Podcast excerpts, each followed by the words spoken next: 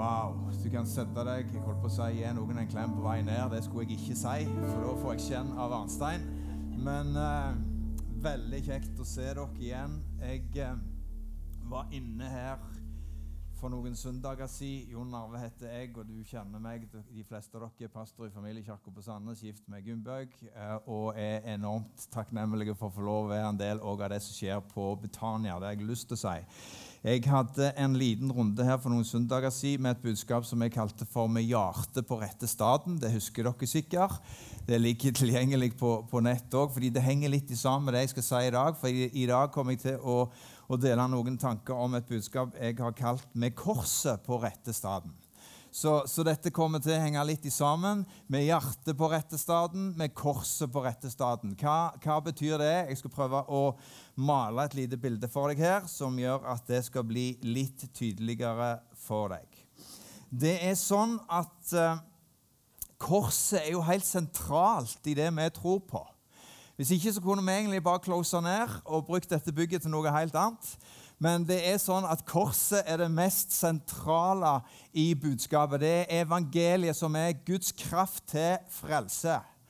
Og Noen ganger kan det bli litt tont ned i livene våre. fordi at Kirka kan bli mange ting, og vi, vi, vi, vi kan, kan, holde på med mange aktiviteter. Men hvis vi mister det viktigste av alt, som er korset, Guds kraft til frelse, så mister vi noe. Og jeg har lyst til å bare framelske det igjen denne formiddagen. At vi får lov til å få korset på rett plass i livene våre og i kirka vår. For jeg tror det er det mest sentrale som Gud har kalt oss til å preke. Nå får jeg litt hjelp av disse gode folka bak på benken her, så det kommer et par vers i starten her. Efeserne 2,13 og Efeserne 2,19. Det kommer opp bak, bak oss her, så skal jeg lese det sammen med deg.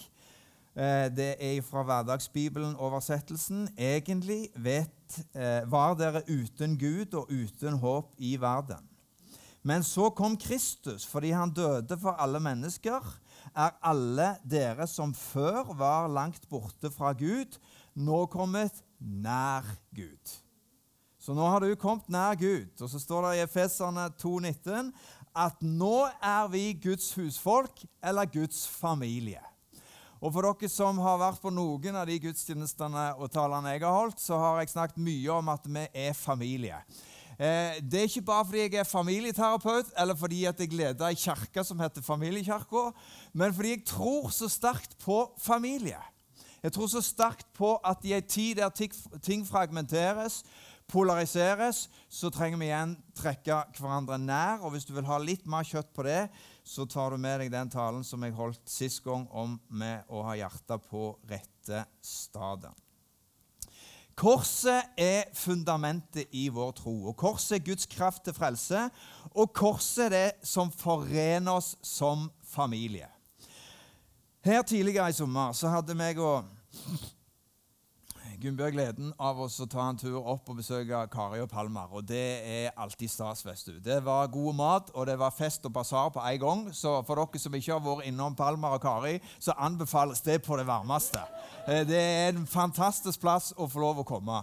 Og mens vi sitter der og prater, så tenker jeg jeg har jo kjent Kari og Palmer over lang tid. Det har sikkert du òg. Og vi prater litt om livet. Og så spoler vi litt tilbake, og jeg spør Kari hvordan ble du frelst, og hvordan møtte du Jesus? Og så kommer hennes, vitnesbyrd. Jeg vet ikke om du har hørt hennes vitnesbyrd om hvordan hun møtte Jesus. Du skal få høre det nå. Så kom Kari. Vet du hva? Det er et sterkt vitnesbyrd, og det bare går rett inn i det som jeg skal fortsette å dele noen tanker om. Nå trenger vi en mikrofon. Kan vi ta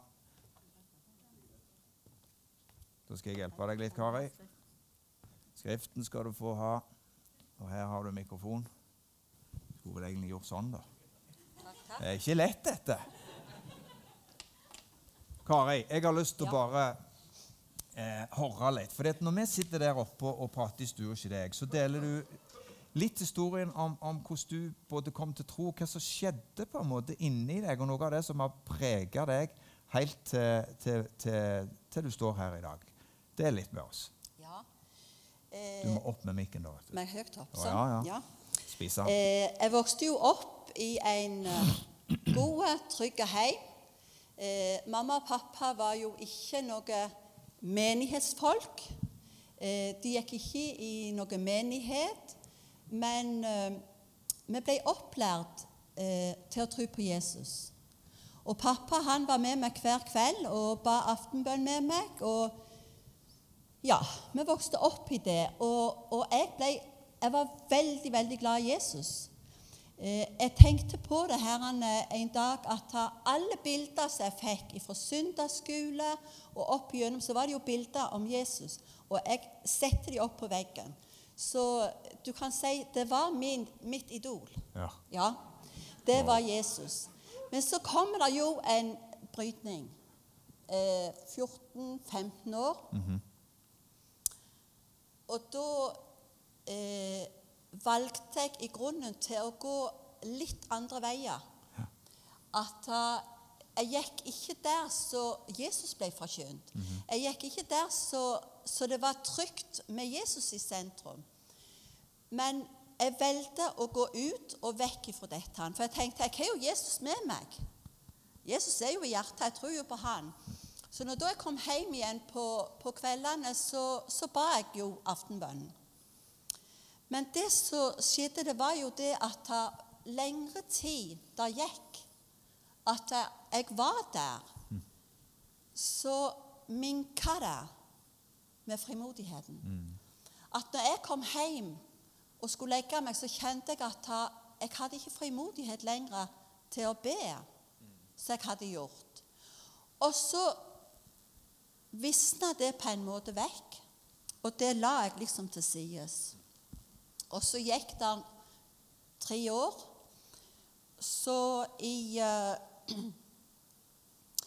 i 75 så begynte jeg på folkehøgskole. Eh, vi var jo flere venninner da. Vi begynte på, i Stavanger på folkehøgskole, og der var det jo en kristen folkehøgskole. Du måtte være med på, på andaktene, og det var mye forkynnelse om Jesus. Men jeg kjente liksom at Ja, greit nok. Kjekt å ha det, men ja. Men så, når da jeg kom over nyttår på, i 76, det er jo mange år siden, så, så, begynte, så begynte, det noe å arbeide i meg. For det at Da tenkte jeg at Hva er egentlig vitsen med mitt liv? Skal jeg gå på skole? Skal jeg få meg en utdannelse? Skal jeg gifte meg, få familie, bli gammel og dø? That's it. Og da ropte jeg til Gud. Jeg var helt alene på rommet. Og da ropte jeg, 'Jesus, hvis du er der ennå' mm -hmm. Er du der? For jeg hadde jo kjent han, jeg, jeg, kjente han jo, jeg visste jo hvem han var. Mm. 'Jesus, er du der, så må, du, må, du, så må jeg få kjenne deg.' Og det var som om hele rommet ble fylt med en fred. Men så var det bare det at da klarte ikke jeg å gå videre med den. At jeg reiste meg opp igjen. Det kom, kom kommentarer på dette, men jeg reiste meg opp igjen og gikk videre. Samtidig den våren så var det to venninner av meg som gikk på Tryggheim. Så tok imot Jesus. Ga sitt liv over til han. Og de var jo veldig aktive og, og snakket veldig til meg. Og så merka jeg det at alt som skjedde rundt meg, det talte til mitt hjerte. Hvordan kunne forkynneren som sto på Solborg, vite at én der nede blant alle de hundre som gikk der Akkurat mitt hjerte visste han hvordan var. Akkurat hvordan jeg hadde det. Og sånn opplevde jeg. Jeg tok toget, så satt der en mann og leste i Bibelen, og jeg kjente jeg fikk mest panikk. liksom. Åh, det var Det omringa meg. Til dess at jeg kjente at byrden ble for tung. Jeg hadde sånn en byrde på mine skuldre, for jeg hadde jo ikke rett forhold til Gud. Jeg hadde forlatt han. Jeg hadde forlatt den nåden som han ville jeg skulle være i. Og så reiste vi da skulle besøke disse venninnene på Tryggheim. Og jeg sa i dag vil jeg ta imot Jesus. Mm -hmm. Ja, vi ba der på rommet og sånn, og jeg grein. Og jeg kjente det var så tungt. Livet var så tungt, og all, all byrde lå på mine skuldre. så sier hun ene det. Ja, vi, vi, vi må gå på møte. Så ber han, han, han taleren for det. Og jeg kunne ikke forstå hvorfor de ikke kunne bare bedt meg i gang for meg. For jeg var helt klar. Men når da jeg gikk fram og sa jeg kan ikke mer, jeg må, jeg må få ta imot denne Jesus, så fikk jeg to vers. Han leste opp for meg etter de hadde bitt og sånn. Så leste han. For jeg kjente det var så mye, det var så mye jeg bar med meg. Det var, det var sår, og det var smerte, og det var skamfull. Jeg var Ja. Så leser han opp ifra Isaias 53, vers 5. Men han er såret for Kari sine lovbrudd. Han ble knust for Kari sine synder. Straffen rammet han for at Kari skulle ha fred. Og med hans sår har Kari fått legedom. Og så, så kjente jeg ja, dette, dette var jo veldig godt. Men så sier han Jeg har et vers til. Og det var fra Isaias eh, 44 og vers 22. Jeg, sier Jesus, har utslettet dine lovbrudd som en tåke og dine synder som en sky. Vend om til meg, for jeg har forløst deg. Så tenkte jeg, Jesus, ja, jeg vender om til deg. Og så er det du som forløser. Jeg husker mamma fortalte om eh, Tidligere så brukte de mer det ordet at jordmora kom og forløste en baby. Du ble forløst inn i noe nytt. Og det var det jeg opplevde. At da Jesus forløste meg, da kom noe nytt inn. Da kom en ny ånd inni. Jeg ble forandra. Jeg ble forandra i min tankemåte. Og så Ja. har jo det holdt til i dag, Kari. Ja, det har holdt. Ja. Jeg fikk jo møte òg eh, jeg, fikk jo et spesielt møte med Den hellige ånd òg. Ja. Fortell. Og det, det ga meg Jeg fikk frimodighet med en gang jeg ble frelst, og jeg kjente at å, vi må jo be. Vi må be for folk. Vi må be. For jeg hadde ei tante som hadde bedt for meg hele tida når jeg ikke kunne be. Ja. Og når da jeg fikk et møte med Den hellige ånd, så kjente jeg bare frimodigheten Den gikk hakket høyere. Så den lørdagskvelden når Haltorp hadde bitt med meg til åndsdåp, så kjente jeg bare jeg må ut og vitne. Wow. Det er så mange mennesker der ute på torget i Egersund by. Jeg må fortelle dem. Jesus gir dem evig liv. ja. Det er et liv å få. Et evig liv. Amen. Og jeg kjente den brannen, den Den tok virkelig tak. Og samtidig kan du si når det brenner veldig, så ikke alltid visdom. Men jeg tror Gud til, tilgir oss òg det. For det at Ja. Wow. Men, men det er jo dette han jeg kjenner at han, han er med. Ja. Hans ord, hans løfter, det gjelder i dag. Så dette budskapet om korset, dette enkle budskapet om evangeliet, det jeg hører du sier, det det er noe som kom inn i livet ditt tilbake på 70-tallet, og fremdeles får du lov å oppleve kraften av den sannheten hver dag. Ja, for han hadde sona det som var til hinder for meg å få et evig liv. Nydelig. Det som hadde kommet imellom menneskeheten og Gud. Ja. Det sona han. ikke det nydelig? Vi må gi Kari en applaus på det. Vet at, uh, tusen takk, Kari. Jeg tror du kunne holdt på lenge til. Hører du det? Så det er en ny predikant iblant oss. Det er veldig bra. Men det er så nydelig, for når vi så der oppe, så hørte jeg bare dette, dette budskapet om evangeliet. For meg var det litt morsomt òg når Kjell Halltorp sitt navn var nevnt. For dere kjenner jo Kjell, vet du. Han brenner jo fremdeles for evangeliet. Og det er jo evangeliet som skal være det sentrale i det som vi forkynner. Så Kari, tusen, tusen takk. Um, vi er kalt til å leve i en åpenbaring om hva korset betyr. Og Det kommer opp et vers bak oss her, Filippane 2, 5-8. Det er flere vers. Jeg har de på storskjerm her, sånn at du skal klare å følge godt med. Men slik Jesus var, skal også dere være, sier Paulus. Han som var i Guds skikkelse, var villig til å forlate herligheten i himmelen og komme ned til oss på jorden. Han ga avkall på sitt eget da han sa seg villig til å bli et menneske, en tjener på jorden. Han levde som et menneske enda mer enn det. Han var villig til å ydmyke seg selv og være lydig mot Gud helt til døden, ja, til døden på korset. Du vet, eh, Jesus han kom for å, ga, for å gi avkall på sitt eget. og Hvis du studerer den grunnteksten der på gresk, så vil du se ordet kenose er, er brukt. Det betyr å uttømme seg sjøl. Totalt gi seg sjøl for noe som var større. Og det var meg og deg han hadde i tankene.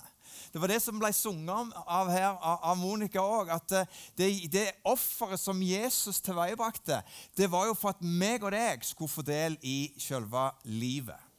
C.S. Lewis han sier det på følgende måte The Son of God being the Son of Man, so that the Son of Man could be the Son of God. Det betyr altså denne gudesønnen ble en menneskesønn, sånn at vi som menneskesønner kunne bli gudesønner.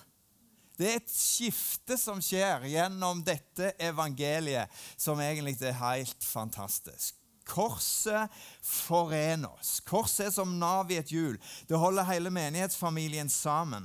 Og Så fort vi forlater dette enkle budskapet om evangeliet, så kan livene våre i kirka vår, i familiene våre, begynner å snurre rundt andre sannheter. Jeg tror at Gud kaller oss tilbake til dette enkle budskapet om korset. Det er det mest sentrale Gud har gitt oss. Derfor tror jeg det er viktig med korset på rette staden. Vi, møtes med korset. Det, det, Jesus gjør på korset, er å gjenopprette alle relasjonene som ble tapt i syndefallet. Skal jeg si bare litt om djevelen, ikke for å ha mye fokus på han. Men Johannes 10,10, 10, det kjenner du. Tyven har kommet. Vi vet hva han har kommet for. Å stjele og myrde og ødelegge. Han kalles den som splittes opp og anklager. Og Jesus han har jo kommet for å gjenopprette alt det djevelen stjal fra oss gjennom Adams fall.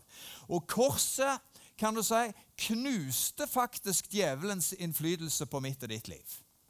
Og Det er derfor det er det oppmuntrende budskapet av at når vi kan kjenne at vi kommer inn i fordømmelse, anklage, dette negative som kan ta oss, så er det viktig at meg og deg løfter opp Bibelens ord. At vi begynner å forstå at han har kjøpt oss fri fra denne anklagen som så lett kan ta oss. Kolossene 2,15. Ved Jesu død på korset tok han makten fra alle myndigheter og makter som vil anklage ser du det, anklage oss mennesker. Han gjorde dem til latter da han offentlig triumferte over dem på korset. Så du ser, Anklagen den er allerede brutt gjennom det Jesus gjorde på korset. Så fortsetter Paulus med å si at alle som tror, nå tilhører Kristus, og at korset har forsonet oss med Gud og hver andre.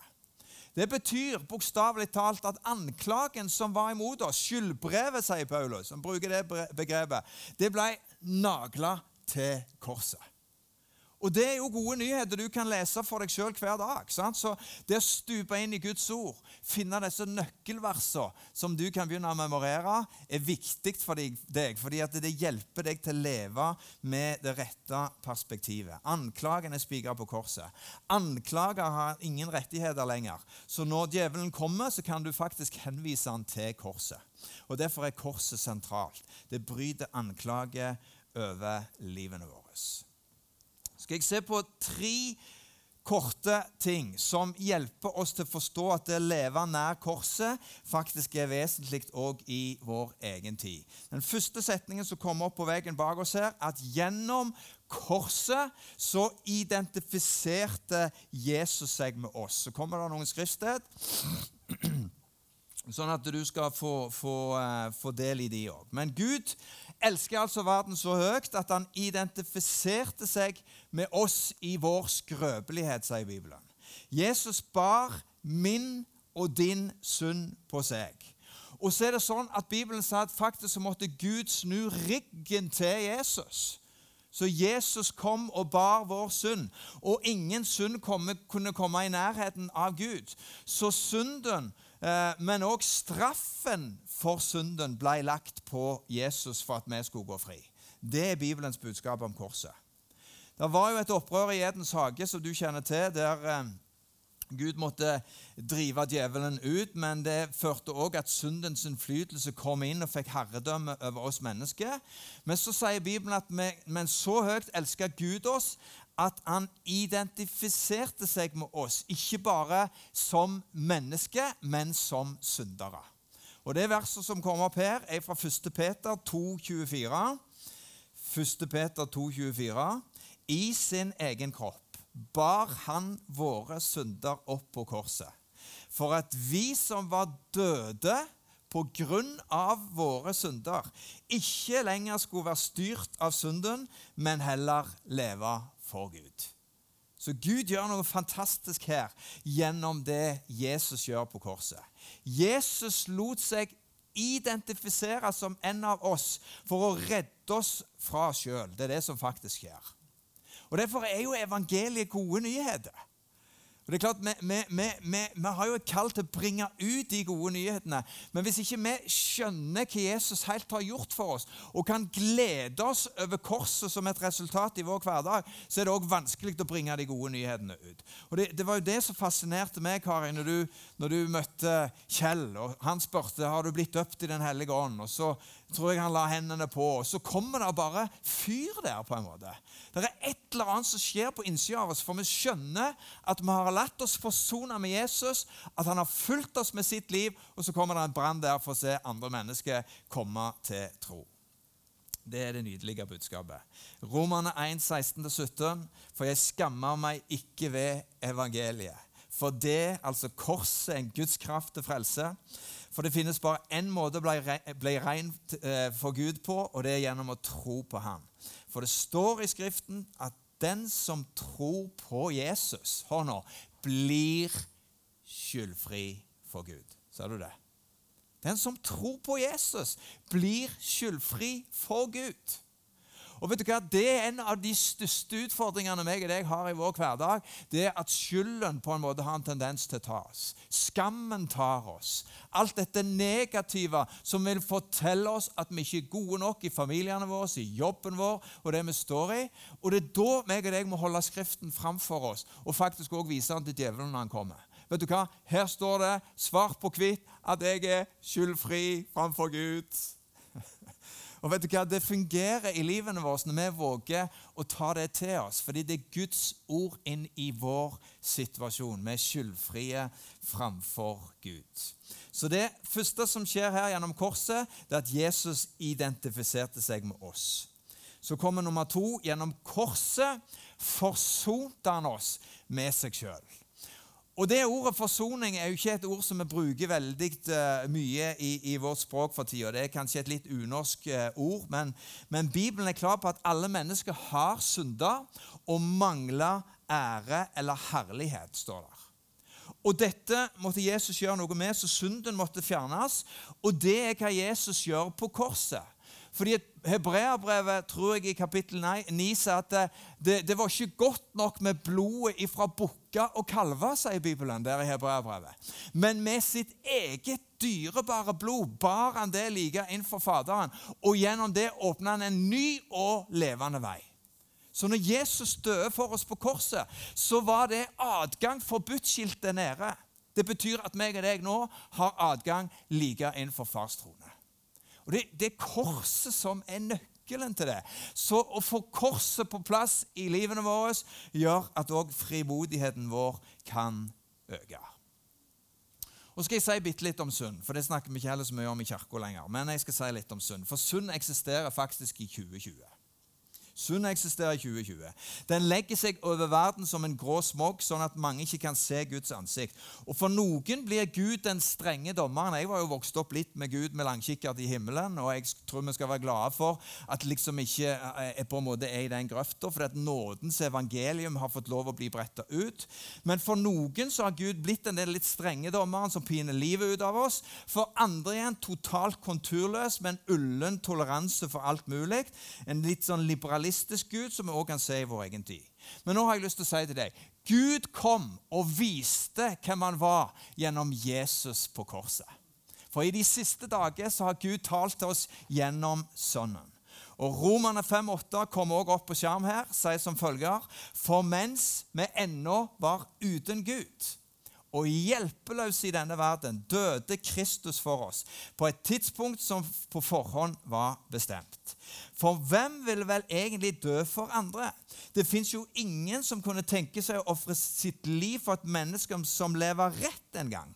Men Gud beviste sin kjærlighet til oss mennesker ved at Kristus døde for oss mens vi ennå var syndere.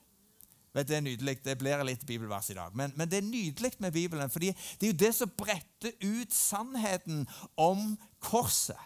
Så Guds kjærlighet ikke en konturløs kjærlighet som ikke setter grenser for rett eller galt. Det er jo bare å følge med i forhold til skaperverket. Skaperverket har strukturer, systemer og rammer. Om vi forderver miljøet og sprer søppel rundt oss, så blir det ikke borte. Nei, søppelet forpester.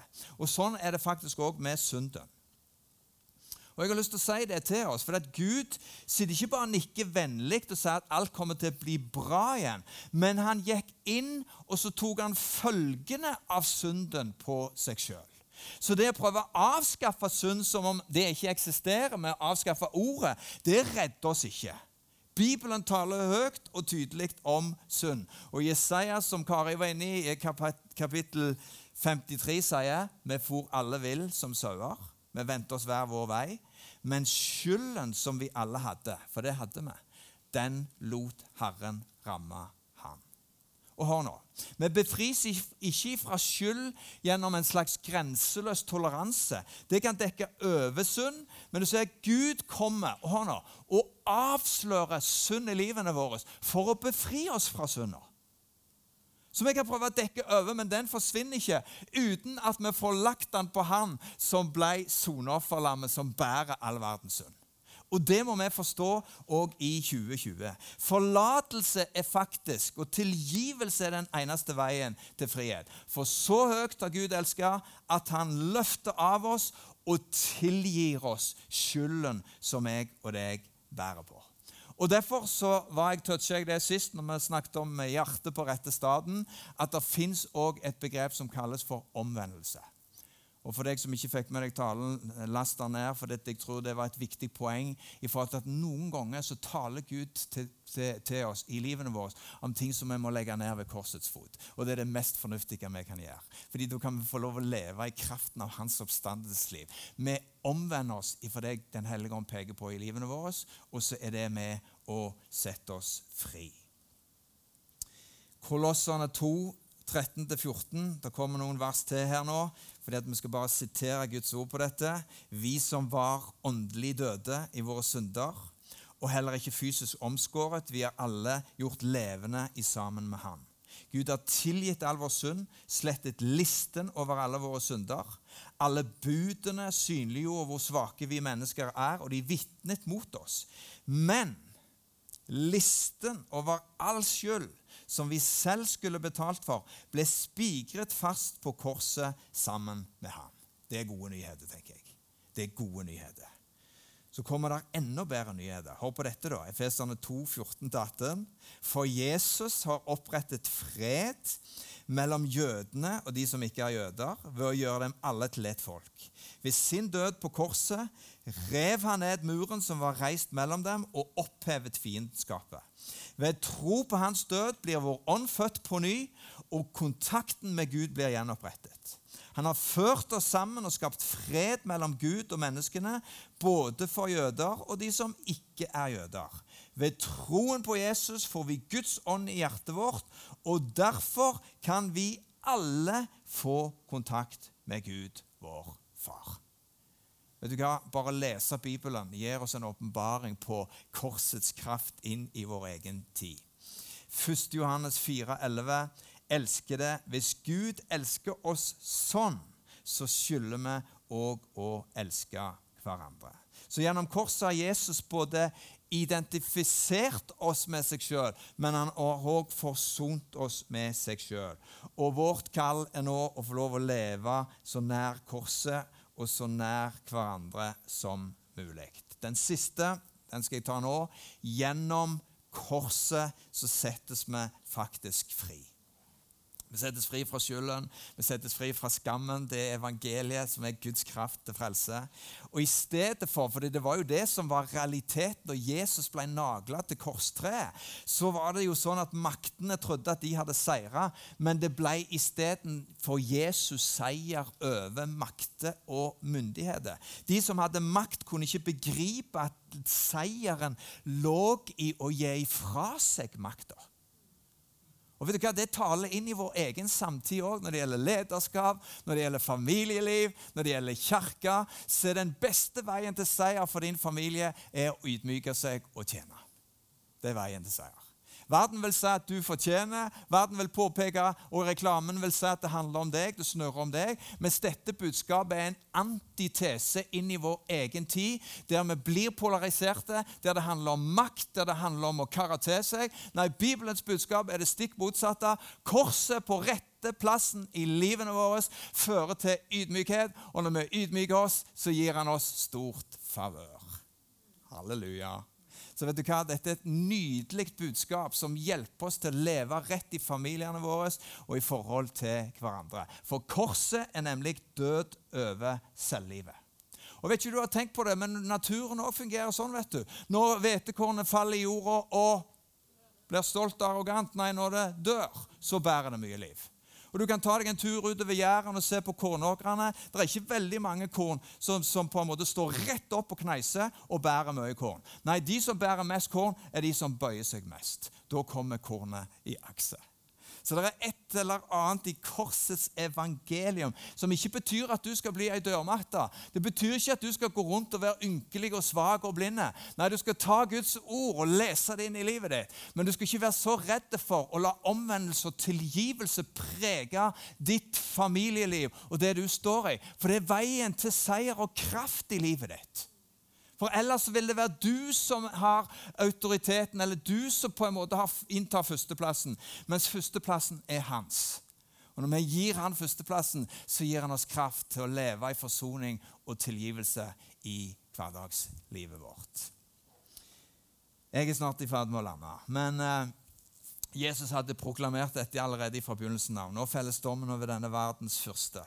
Og denne verdens første skal kastes ut, sier Jesus. Og Djevelen hater fremdeles, vil rive i stykker. Men så høyt har Gud elska verden at han kom for å dø og forene oss med seg sjøl. Og så ga han, ga, ga han, oss autoriteten tilbake igjen i livene våre. Så, så brøyt han dette djevelske mønsteret av splittelse og maktmisbruk.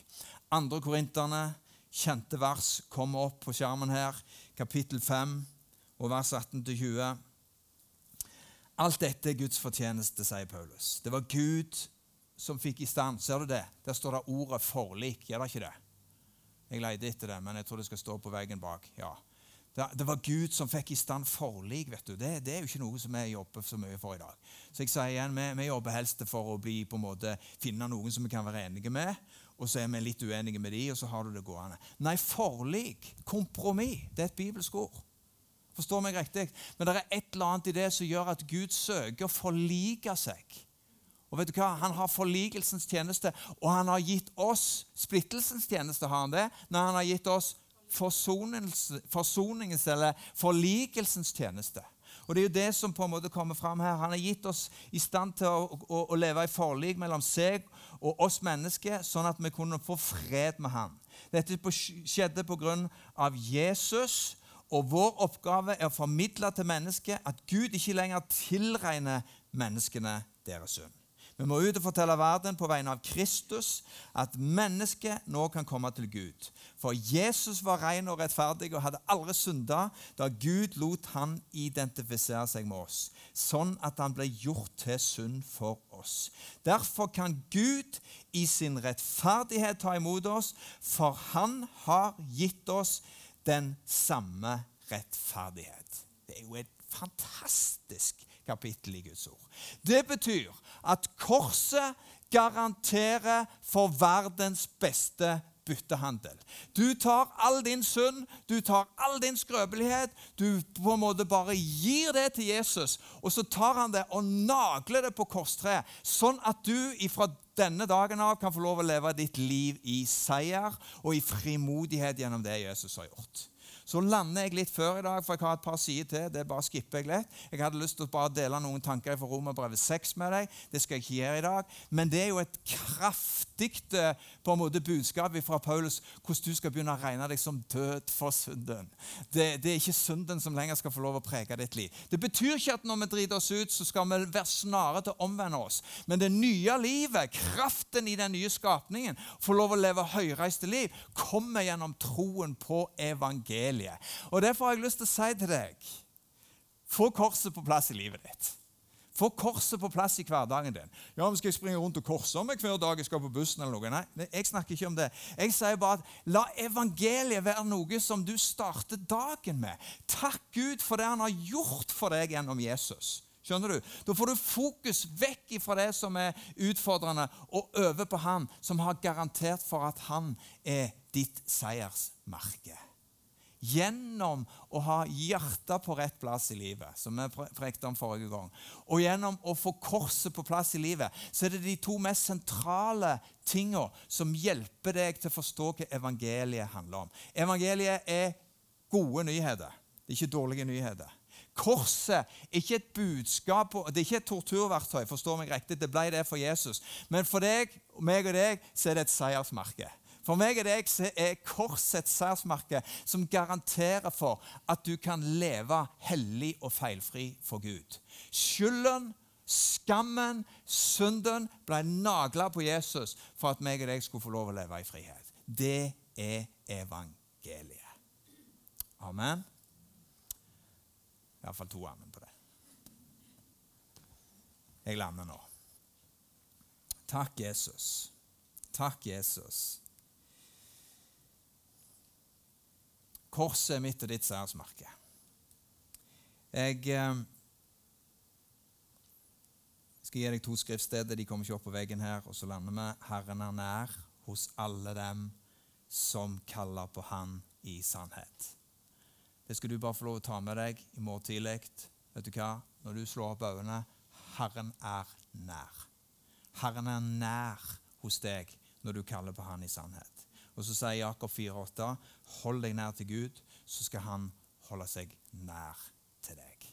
Og Det er min bønn for den uka som du skal få lov å gå ut i, at dette budskapet om korset skal få lov å prege livet ditt. Ha korset på rette plassen i livet ditt. Det er ditt seiersmerke. Og han har betalt alt for at du skal få lov å leve ut i neste uke i familien din i fred med hverandre og i fred med Gud.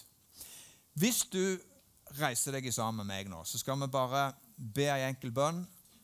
Det kommer en liten sang her etter jeg har bedt sammen med deg, og så kan den få lov å bare tone litt til Arnstein bare kommer og avslutter møtet. Ungene kommer sikkert halsende inn her hvert øyeblikk. Men eh, be disse setningene sammen med meg. Jeg bare leser ut en helt kort setning, og så bare gjentar du etter meg. Så blir det en sånn felles proklamasjon her på slutten.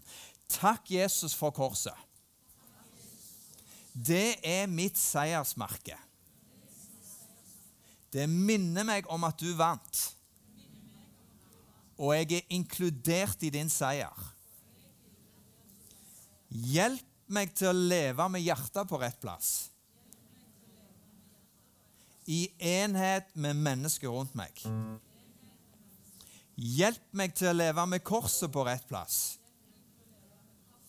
som en daglig påminnelse om det du har gjort for meg. Jeg er på vinnerlaget i sammen med deg. Amen. Fader, bare ber jeg om at du skal komme med Den hellige ånds åpenbaring. Akkurat der korset skal få lov å bli synlig i mitt liv og i vårt liv. Har jeg bare takker deg for den nåde som er utøst over livet vårt gjennom korset. For jeg ber om at dette korset skal skape forsoning inn der det nå er splittelse. For jeg ber om at dette korset og budskapet om korset skal få lov å bringe forsoning der det trengs forsoning i familiene våre. Herre, jeg bare takker deg for at vi skal åpne oss opp for den barmhjertigheten som du kommer med når vi våger å omvende oss og bare bøye kne og si vi trenger korset i livet våre. Så kom, Herre, med mye nåde for den uka vi går inn i. Vi ber for enhver familie som er her, At korset skal holdes oppe over familien i enda sterkere grad. Dette eldgamle budskapet om at korset er vårt seiersmerke. Herre, la det bare tone igjen i familiene våre. Amen. Så kan du få lov å sette deg, og så lar du bare denne sangen bare trenge inn i hjertet ditt. Og så kommer Arnstein og et øyeblikk. amazes me. Your love is still a mystery each day.